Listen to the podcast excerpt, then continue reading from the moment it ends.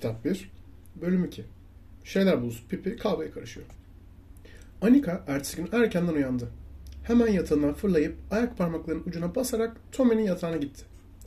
Uyan Tommy dedi kolundan tutup sarsarak. Hadi uyan. O kocaman ayakkabılı neşeli kızın yanına gidelim. Tommy hemen uyandı. Dün akşam yatıp uyurken yarın sabah neşeli bir şeyler olacak diyordum. Ama ne oldu bir türlü aklıma gelmemişti dedi. Ve pijamasının üstünü sıyırarak çıkarttı. Sonra ikisi birden lavaboya girdiler. Her zamankinden daha çabuk yüzlerini yıkayıp dişlerini fırçaladılar.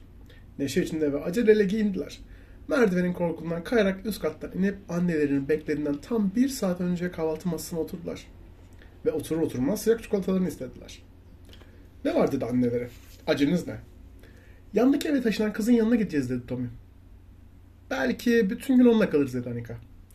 O sabah zencefilli kurabiye yapmaya karar veren Pipi kocaman bir kurabiye hamuru yoğurmuş. Mutfakta yer döşemesinin üzerinde de açmıştı.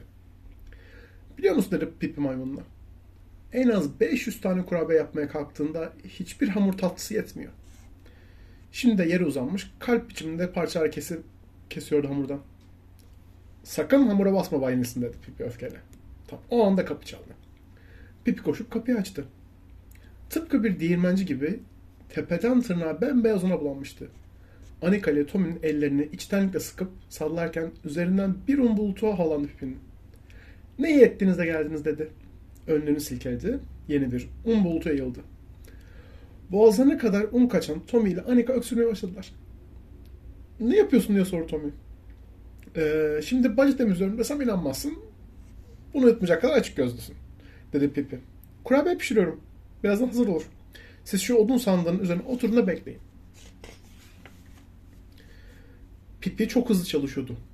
Tom ile Anika da odun sandığının üzerine oturup Pipi'nin kurabiye hamurunu nasıl bir hızla açtığını, biçim verip tepsileri nasıl yerleştirdiğini ve nasıl fırına sürdüğünü izlediler.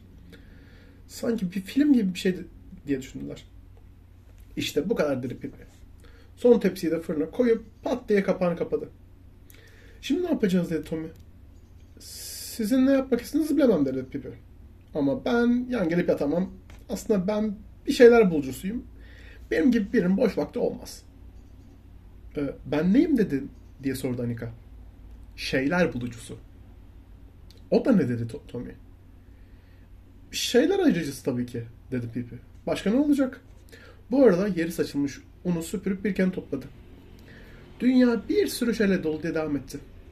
Birinin onları arayıp bulması gerek değil mi? İşte bunlar şeyler bulucusu yapar. Ne tür şeyler bunlar diye merakla sordu Anika. Oho bir sürü şey dedi Pipi. Altın külçeleri var. Deve kuş tüyleri var. Noa krekerleri var. Ölü fareler var ve mini, minicik somunlar var. Var oğlu var. Pipi'nin anlattıkları Tommy ile Anika'nın çok hoşuna gitmişti. Onlar da şeyler bulusu olmak istiyorlardı. Ama Tommy minik, minicik bir somun yerine bir altın külçesi bulmayı tercih ederdi. Neler bulacağımızı göreceğiz dedi Pipi. Her zaman bir şeyler bulunur. Ama bu civardaki külçeleri başka şeyler bulucularından önce bulmak için elimizi çabuk tutmalıyız. Üç şeyler bulucusu hemen yola koyuldu. Aramaya civardaki villaların etrafından başlamaya karar vermişlerdi. Çünkü Pipi minik bir somunun bazen ormanın derinliklerinde bile bulunabileceğini ama en iyi şeylerin insanların yaşadığı yerlere bulunduğunu söylemişti. Ama yine de diye devam etti Pipi. Bunun ters örnekleri de gördüm. Bir seferinde Borneo'nun balta girmemiş ormanlarında şeyler aramaya çıkmıştım. Tam ormanın ortasında daha insan ayağı de- değmemiş bir yerde ne buldum dersiniz? Çok güzel bir tahta bacak. Daha sonra tek bacaklı bir adama verdim. Böyle bir, şey, bir tahta bacağı parayla alamazsın dedi adam. Tommy ile Anika gerçek bir şeyler buldusunun ne yapması gerektiğini öğrenmek için Pipi dikkatle izliyorlardı. Pipi o köşeden o köşeye koşuyor. Ellerini gözlerini siper edip bakıyor. Aranıyordu aranıyordu. Bazen dizlerin üzerinde emekliyor. Elini bir çitin parmaklarının arasına sokuyor. Sonra da hayal kırıklığıyla tuhaf altın külçesi gördüğümü sanmıştım diyordu. Peki insan buldu her şeyi alabilir mi diye merakla sordu Anika. Tabii ki dedi Pipi. Yerde buldu. Her şey alabilir. Biraz ileride evin önündeki yeşil çayırların üzerine uzanmış. Uyuyan yaşlı bir adamı gördüler. İşte yerde bir adam diye bağırdı Pipi. Onu biz bulduk. Hemen alalım. Tommy ile Anika dehşete kapıldılar. E, hayır Pipi, hayır amcayı alamayız. Bu olmaz dedi Tommy. Ayrıca onu ne yapacağız ki? Onu ne yap- yapacağız? Bir sürü şey yapabiliriz. Küçük bir tavşan kafasına koyup bir tavşanı besler gibi kara hindiba yaprağıyla besleyebiliriz. Ama siz istemiyorsanız benim için hava hoş. Gerçi başka bir şeyler bulusu gelip alacak diye çok üzülüyorum ama önemi yok. Aramaya devam ettiler. Pipi birdenbire korkunç bir çığlık attı. Of! Daha önce hiç böylesini görmemiştim diye bağırdı. Otların arasından paslı bir teneke kutu aldı. Heyt! Ganimete bakın ganimete. İnsan bu tür şeyleri kolay kolay rastlamaz. Teneke kutuya şüpheli gözlerle bakan Tommy ne işe yarar ki o dedi. Oho çok işe yarar dedi Pipi. Bir kere içine bisküvi koyabiliriz. O zaman hoş bir bisküvi kutusu olur. Ya da içine bisküvi koymazsın o zaman da bisküvi kutu olur. Ee, tabii bu bisküvi kutu kadar hoş olmaz ama yine de idare eder. Pipi kutuyu dikkatle gözden geçirdi. Çok paslıydı. Üstelik dibi delikti. Bu daha çok bisküvi skut olacak gibi dedi düşünceli bir ifadeyle. Ama bunu başımıza geçirip gece yarısı dolaşıyormuş gibi oynayabiliriz. Öyle de yaptı. Başına kutuyu geçirip evlerin arasından tenekeden bir kule gibi dolaşmaya başladı. Sonunda bir çift çitlerine takılarak yüzüstü yere kapaklandı. Yeri çarpan teneke kutudan müthiş bir gürültü yükseldi. Gördünüz mü dedi Pip başından kutuyu çıkarırken. Başımda bu kutu olmasaydı yüzümü pat diye yere çarpıp yamultacaktım. Öyle dedi Aneka. Başında o kutu olmasaydı tellere de takılmayacaktım. Ancak Anika daha sözünü bitiremeden Pirpi bir kez daha çığlık attı. Bu defa elinde övük tuttuğu bir dip işikli ma- makarası vardı. Sanırım bugün benim şanslı günüm dedi. Şu minik, minicik makaraya bir de bakın. Ortasındaki delikten sabun köpüğü üfleyip baloncuklar çıkartmak için kullanabilirim. Ya da delinden ip geçirip kolye yapabilirim. Hemen şimdi eve dönüp yapmak istiyorum. Tam o anda yakındaki evlerden birinin bahçe kapısı açıldı ve sokağa bir oğlan çocuğu fırladı. Çocuk çok korkmuştu. Boşuna da değildi. Çünkü peşinde beş oğlan vardı. Çocuğu bir çitin önüne kıstırdılar. Beşi birden üzerine çullanıp pataklamaya başladılar. Çocuk ağlıyor ve kollarıyla yüzünü korumaya çalışıyordu.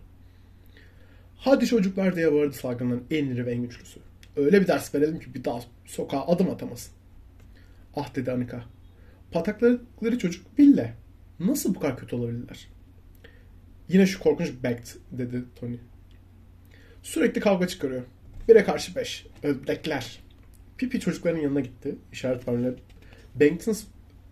sırtına dokundu. Bir bakar mısınız dedi. Beşiniz birden saldığınıza göre küçük bir illeyi püre yapmak mı istiyorsunuz? Bank döndü. Önce o civarda hiç görmedi kız çocuğuna baktı. Bu yabani kız sırtına dokunmaya cüret etmişti. Önce şaşkından ağzı açık kaldı. Sonra yüzüne bir sırıtma yayıldı. Çocuklar dedi. Çocuklar villa'yı bırakın da şuna bakın. Ne komik bir kız. Dizlerine vurarak kahkahalar attı. Bir çırpıda Pipi'nin etrafını kuşattılar. Göz yaşlarına kurulayan Villa ürkek adımlarla yürüyüp Tommy'nin yanına gitti. Hiç böyle bir saç gördünüz mü? Alev gibi ya. Hele şu ayakkabılar dedi Beckett. Birine ödünç ver de gölde bir tur atalım. Kayığım yok da. Sonra Pipi'nin saç örgülerinden birini tuttu ve hemen bıraktı. Of elim yandı. Pipi'nin etrafını saran çocuklar hoplayıp zıplayarak bağırmaya başladılar. Havuç kafa! Havuç kafa!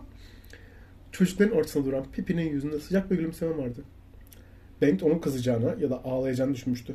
En azından çok korkacağını. Bunların hiçbirinin olmadığını görünce Pipi itti. Bence bir hanımefendiye nasıl davranılması gerektiğini bilmiyorsun dedi Pipi. Tuttuğu gibi güçlü kollarıyla havaya kaldırıp Bengt'i. Yanındaki huş ağacına götürüp dallarından birine astı. Sonra diğer olanlardan birini yakalayıp başka bir dala astı. Üçüncüsünü bir bahçenin yüksek giriş katının üzerine oturttu. Dördüncüsünü bir çitin üzerine savurdu. Çocuk pat diye bir çiçek tarlasının ortasına düştü. Beşincisinde yolda duran küçük küçücük bir oyuncak el arabasına oturttu. Pippi, Tommy, Anika bir Ville durup bir sürü oğlanları seyrettiler. Oğlanların şaşkınlıktan dilleri tutulmuştu. Size ödekler dedi Pippi. Bir kişiye beş kişi saldırırsınız ha. Sonra da savunmasız bir kızı itip kaparsınız. Of, çok çirkin bir davranış. Bir süre bekledikten sonra hadi artık eve gidelim dedi Tommy ile Anika'ya. Sonra villaya döndü. Bir daha sana satacak olurlarsa hemen bana haber ver dedi. Ardından da ağacından astığı kımıldamaya bile cesaret Bank tadını. Saçım ya da ayakkabılarım hakkında söyleyecek başka bir şeyin varsa acele et.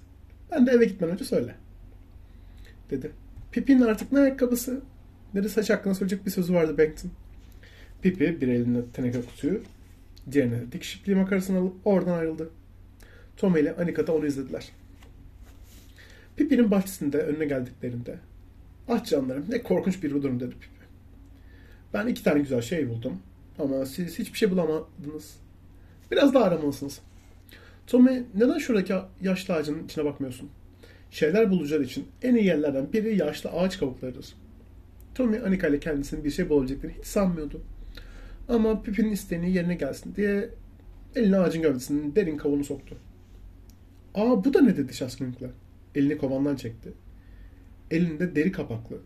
Çok ama çok güzel bir defter. Defterin kenarındaki bir kılıfın içinde de küçük gümüş bir kalem vardı. Amma tuhaf dedi Tommy. Gördün mü dedi Pipi. Şeyler bulusu olmak gibisi yok. Bu işi niçin daha fazla insanı yapmanı hiç anlamıyorum. Herkes marangoz, ayakkabı tamircisi, bacı temizlikçi falan olmak istiyor ama hiç kimse şeyler bulusu olmaya yanaşmıyor. Yok efendim. Hiç kimse bu işi kendisine yakıştıramıyor. Sonra Anika'ya döndü. Niçin şu eski ağaç kütüğünün içinde yoklamıyorsunuz? Eski kütüklerin içinde her zaman bir şeyler vardır. Anika elini kütüğün kov kovuğuna soktu. Sokar sokmaz da kırmızı mercandan bir kolye buldu. Tommy ve Anika'nın şaşkınlığın, şaşkınlıktan ağzı açık kalmıştı. Bundan böyle her gün şeyler bulusu olarak çalışmayı düşünüyorlardı. Pipi önceki gün gece yarısına kadar uyumayıp kendi kendine top oyunundan birden uykusu gelmişti. "Ah, Ben gidip biraz uyuyacağım dedi. Benimle içeri gelip üzerime örter misiniz? Pipi yatağının kenarına oturup ayakkabını çıkarırken dalgın bir ifadeyle ve Anika'ya baktı. Ayakkabımı alıp gölde bir tur atacaklarmış. Şu Bank denilen çocuk öfkeyle soldu. Gölde tut- tur atmak neymiş göstereceğim ben ona. Bekleyin bunun da sırası gelecek. Ee, Pipi söyler misin dedi Tommy saygılı bir ifadeyle. Neden bu kadar büyük ayakkabılar giyiyorsun? Elbette ayak parmaklarımı rahatça oynatabilmek için dedi Pipi. Sonra uyumak için yatağa girdi. Her zaman ayaklarını yastığın üzerine koyar, yorganın başının üzerine iyice çeker uyurdu. Guatemala'da böyle uyurlar diye yemin etti. Uyumanın en iyi yolu bu. Böyle yatınca ayak parmaklarımı oynatabiliyorum. Uyurken bile. Siz ninni dinlemeden uyuyabiliyor musunuz diye devam etti. Ben kendi kendime ninni söylemesem gözüme asla uyku da girmez. Tommy ile Anika bir süre yorganın altından gelen mırıltıları dinledi. Pipi kendi kendine ninni söylüyordu. Tommy ile Anika rahatsız etmemek için ayak parmaklarının ucuna basarak kapıya doğru ilerlediler. Kapıda durup son bir kez yatağa baktılar. Yalnız yastığın üzerindeki ayakları görünüyordu Pipi'nin. Yatağın üzerinden üzerinde dinlenen ayaklarının parmakları neşeli dans ediyordu. Tom ve Anika evlerinin yolunu tuttular. Anika mercan kolyesini sıkıca tutuyordu. Bana biraz tuhaf geldi dedi. Tom ne dersin? Pipi bunları önceden oraya koymuş olabilir mi? Kim bilir dedi Tommy. Pipi bu. Ne yapacağı bilinmez. Bölüm sonu.